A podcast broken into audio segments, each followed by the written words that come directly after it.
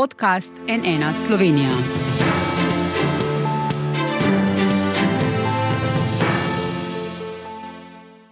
Dobr dan, to je NN studio. Tudi tokrat smo v državnem zboru, kjer poslanke in poslanci na seji odločajo o dveh pomembnih zakonih z področja zdravstva, o spremembi interventnega zakona in o preoblikovanju dopolnilnega zdravstvenega zavarovanja. Ob tem je opozicijska SDS uložila tudi interpelacijo zoper ministra za zdravje Daniela Bešiča Loredana. Je to res bolj usluga ministru, ga bo koalicija res složno in enotno podprla ali pa sploh ne bo dočakal interpelacijske razprave in bo prej zamenjan? Kako torej naprej na področju zdravstva, ki ga vlada s premijem golobom na čelu še naprej razklaša za eno od prioritet te vlade? Ob sebi prav lepo pozdravljam današnja gosta, vodjo poslanske skupine SDS in prvo podpisano pod interpelacijo, gospod Jelko Godec, dober dan. dober dan. In vodjo poslanske skupine Svobode, gospoda Boruta Savica, dober, dober dan. dan. Začnijo pa mi dva, gospod Godec, vi ministru interpelacije očitate podaljšanje čakalnih dob, pa serijo prelomljenih oziroma neizpolnjenih obljub, skratka občutno poslabšanje razmer v slovenskem zdravstvu. Koalicija se sklicuje na objektivne okoliščine, tako imenovani COVID-ni rep, na leta poslabševanja razmer že prej. Priznavajo tudi, da kakšne časovnice res niso ujeli, ampak zatrjujejo, da bodo vlagali vse napore, da zdravstvo reformirajo in uredijo. Zakaj vi tem zagotovilom ne verjamete? A, veste, težko je verjeti zagotovilom leto dni potem, ko je ministr dejal, da bo zdravstvena reforma strani njegovega strateškega sveta pripravljena do konca leta oziroma do, ja, do konca leta.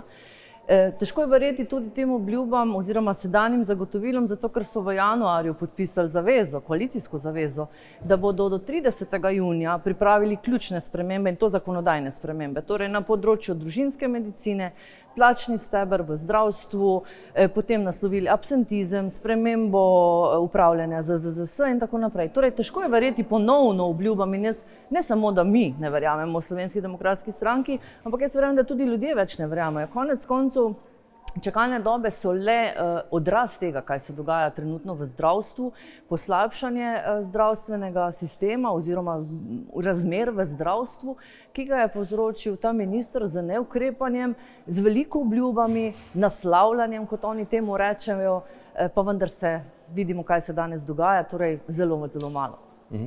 Gospod Sajovic, sam ministr Bešič Loredan je veliko napovedoval, kaj vse se bo zgodilo, pa se ni.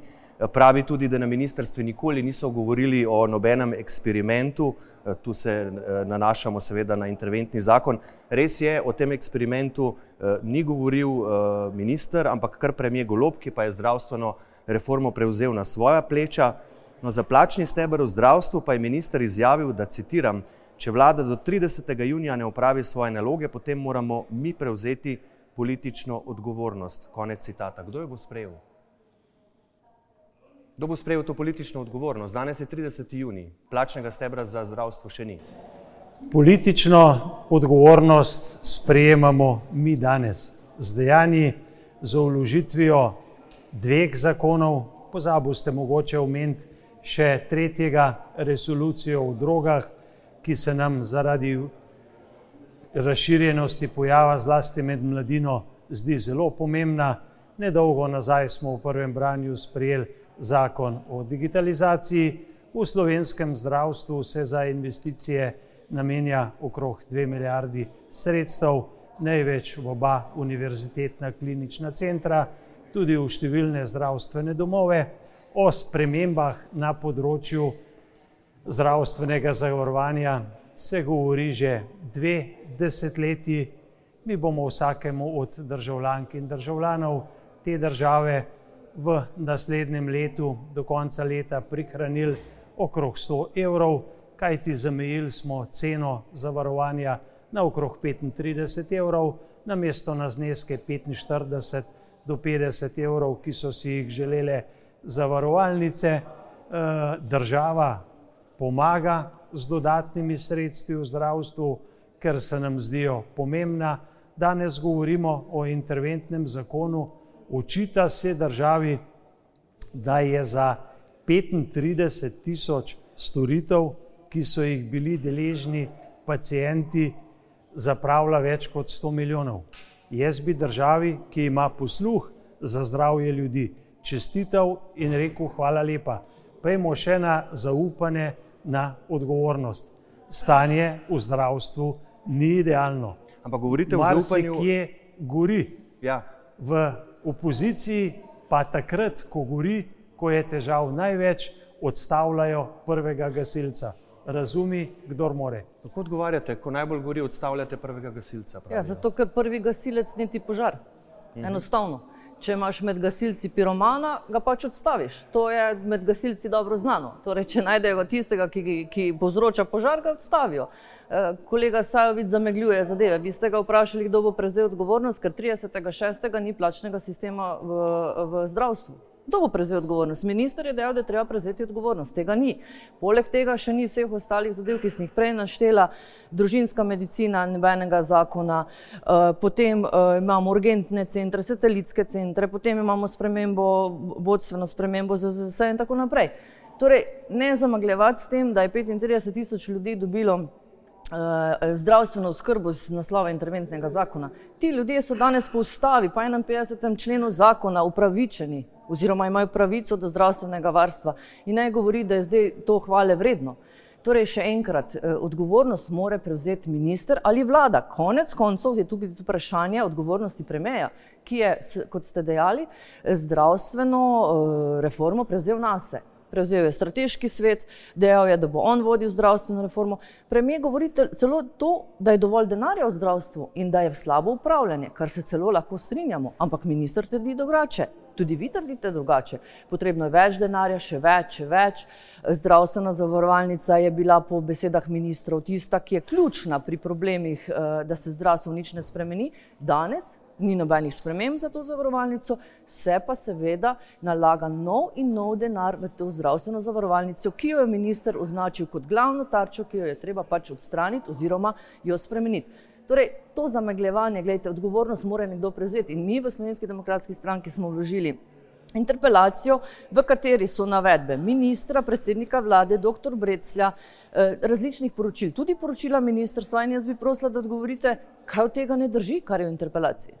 Za interpelacijo, ki je navaden političen pamflet, nagajanje, tako kot referendumi, vlaganje zakonov, ki naj bi rešili tisto, potem ko ste izgubili mandat, kar vam ni uspelo. Odgovornost prevzemamo mi v koaliciji in zato se danes pogovarjamo o rešitvah, ne o rešitvah. Poglejte, koliko smo imeli ministrov, vsi so bili rušeni strani politike, namesto da bi jim ponujali roko. Omenjate plačni stebr.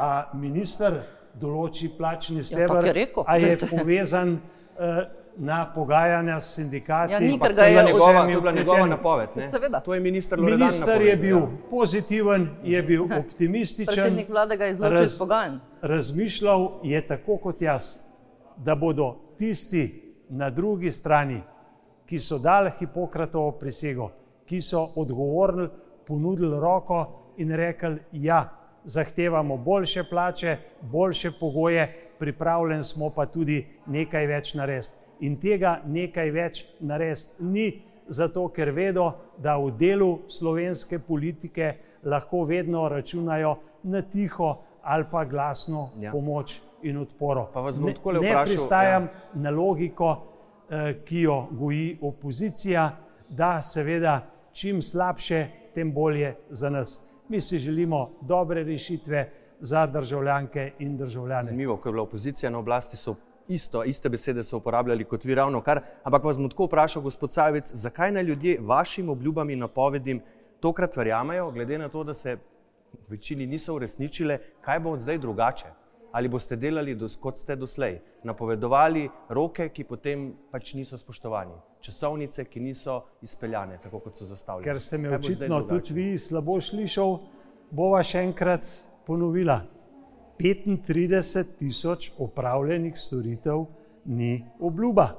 Reforma zdravstvenega zavarovanja, ki ljudem eh, pušča v denarnici 100 evrov, najbrž ni obljuba. Ampak kaj bodo imeli ljudje od tega? Rekli ste, prihranili bodo 100 evrov, v redu, znesek ste pač določili na 35, jih ne bo šel na 45, ampak uporabnike, zdaj bodo to vsi plačevali, ker bo obvezno. Kaj bodo od tega imeli? Bodo imeli boljše storitve, bodo manj čakali? Kaj bo prineslo uh, to preoblikovanje dopolnilnega zavarovanja? Zagotovo. Imeli bomo bolj jasen in pa transparenten sistem, za tega je nujna tudi digitalizacija, ki je bila sprejeta. Digitalizacijo in to se mi zdi dobro, smo v tem državnem zboru sprejeli vsi, ni bilo nasprotovanja. Vse pa stvari, ki so se nabirale 30 letja, ne dajo rešiti ne v treh mesecih, niti v treh letih. In jaz mislim, da delamo, delamo za izzivi, s težavami, ampak cilji ostanejo jasni. Ja, jaz bom tako rekla, gledajte, vsak uh, z veseljem plača določeno, uh, določen znesek v zdravstvu, če ve, da bo storitev dobil tako, kot mu pripada po ustavi in zakonu. Če bo imel svobodno izbiro zdravnika, če bo pravočasno prišel na storitev, ki jo mora biti upravljena po napotnici, ki jo dobi od zdravnika, uh, če pa ti uvajaš nov davek, nov prispevek, pa se v sistemu popolnoma nič ne spremeni, pa jaz mislim, da je nefer državljanom govoriti, kako jim boste privrčevali določen denar, hkrati pa bodo čakali popolnoma enako, nobena storitev se ne bo drugače obravnavala. In še enkrat, 35 tisoč ljudi vam ne more reči hvala, zato ker je to po ustavi že brez teh vaših, bom rekla, eh, silnih uh, sredstev in interventnega zakona že pravica. Pravica in samo malo kolega Sajovic, ne izmikajte se odgovorom, odgovornost je potrebno sprejeti. Se strinjam lahko, da so razmere v zdravstvu že dolgo časa kaotične. Tudi iz časa Milojke Kolar-Cirarsko je vaš minister najbolj, bom rekla, glasno protestiral na ulicah, češ zakaj se uvajajo napotnice zelo hitro. In te ravno te napotnice danes seveda povzročajo kaos. Ampak minister ne naredi nič. Nič. Zakaj se te tu ne prečistijo zadeve? Torej, še enkrat, jaz moram reči, pa to, no, to če še lahko repliciram da je interpelacija politikanstvo. V interpelaciji še enkrat, kolega Savic, se, se še niste prebrali, ne? se po moje polovica poslancev niti ni pogledala interpelacije. Notri so samo navedbe predsednika vlade, ministra, eh, strateškega sveta, eh, poročila in tako naprej. Nobenega našega mnenja ampak samo ogledalo nastavljeno, da v pol leta niste naredili. In zdaj pravite, naslavljamo, bomo naredili. Kdaj, kolega Sajovic? Ne. Prevzamite politično odgovornost, konec koncev tudi v koaliciji, ki ste zavezo 18.1.23 podpisali, da boste do junija rešili to in to. Danes pa vsi nič ne vidim, nič ne slišim. Tako da, gledajte, spremeniti je treba celotni sistem, obračunski model financiranja in tako naprej. In potem se lahko govori o tem, dopolnilno ne ali kako drugače, prerešetati eh, osnovno košarico pravic in tako naprej. Tega, a veste, mislim, to, kar zdaj vi govorite, je politikanstvo, ne pa politika. Politika pomaga ljudem, politikanstvo pa govori, bomo naslovili.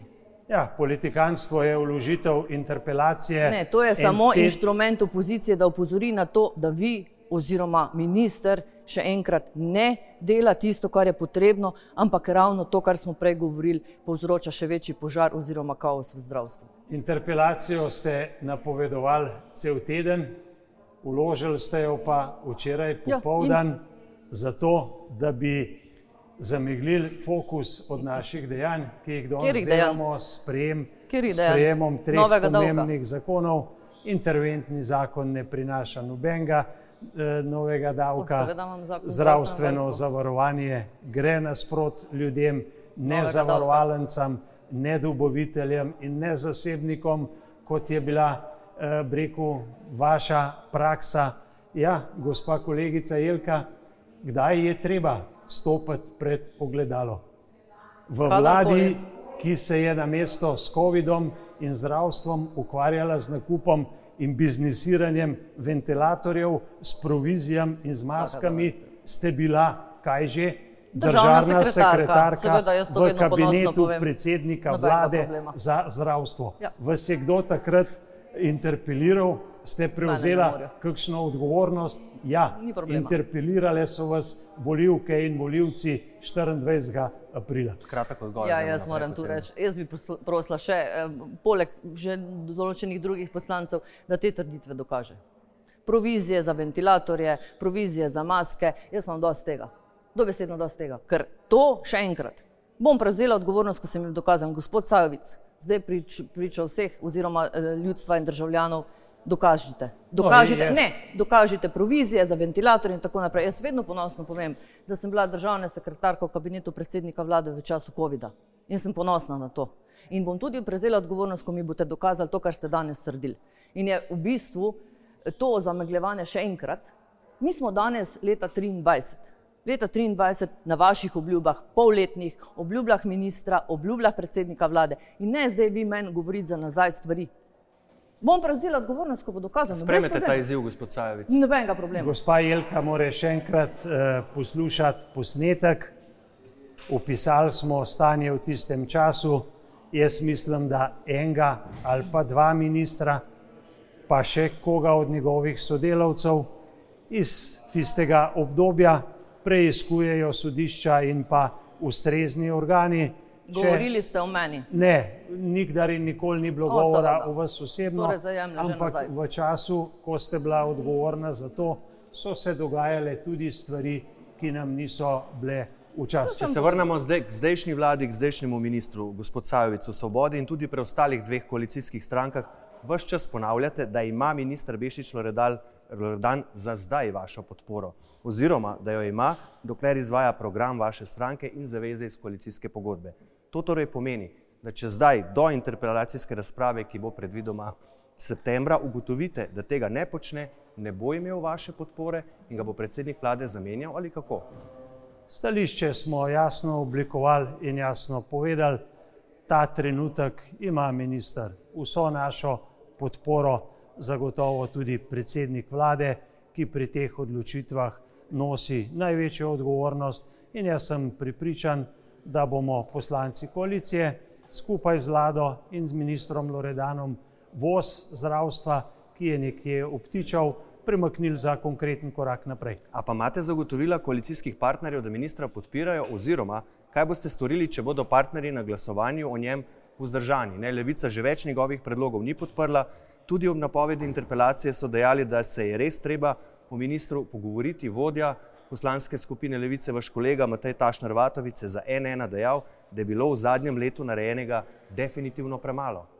A imate zagotovila koalicijskih partnerjev? v politiki nikdar in nikoli ni zagotovil. Vsi tisti, ki pa danes že četrto uro spremljamo razpravo v državnem zboru, pa smo slišali tudi z, koalici, z ust koalicijskih partnerjev, da interventni zakon in smer, ki jo danes naslavljamo, tako kot zgodbo zdravstvenega zavarovanja, podpiramo, ne na zadnje, dali smo si roko in pa obljubo. Še eno vprašanje tu, glede na to, da je predsednik Strateškega sveta za zdravstvo pri predsedniku vlade Robertu Golobu, dr. Erik Brecel, ki mu torej premijer Golob precej zaupa, da mu je zaupal to odgovorno nalogo, jasno, nedvoumno pozval ministra Bešiča Loredana k odstopu, da torej ne uživa več njegovega zaupanja. Ali tega v svobodi, v poslanski skupini ne razumete, da tudi predsednik vlade eh, več nima zaupanja v ministra za zdravje. Vendarle si je sam izbral dr. Brecla, da bo on tisti, ki bo bdel in koordiniral pripravo zdravstvene reforme. Lejte, poslabševanje zadev eh, in pa tudi v medijih iskanje nekega ozadja, nekih zapletov, nekih zadev, ki bi bile dramatične ali pa alarmantne, je pač poteza, ki privablja gledanosti.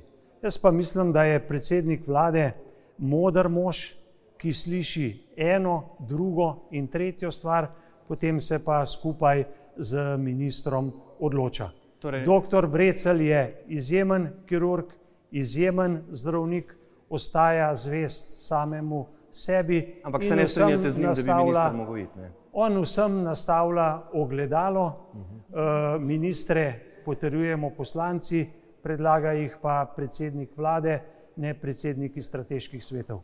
Dobro, eh, gospa Godec, v Novi Sloveniji podpisov za interpelacijo niso prispevali, ste jih sploh zaprosili za to? Ne, vložili smo sami. Kako pa to?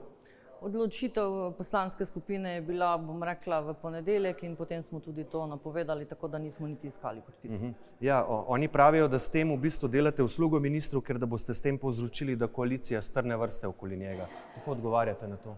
Glede, to odgovarjam tako kot pri prejšnjih interpelacijah. Ne. Eh, Koalicija seveda vedno brani svojega ministra, eh, da je, oziroma pri tej politični podpori po moje tudi ni vprašanje. Je pa to pač priložnost, da se pogovorimo o ministri, tako kot so rekli koalicijski poslanci Levice, da ne bodo podprli naše interpelacije, ker pač vložila SDS, da pa je potreben razgovor, pogovor o delu ministra, s katerim očitno niso zadovoljni. To slišim tudi iz strani SD-ja, tudi iz nekaterih poslancev Svobode.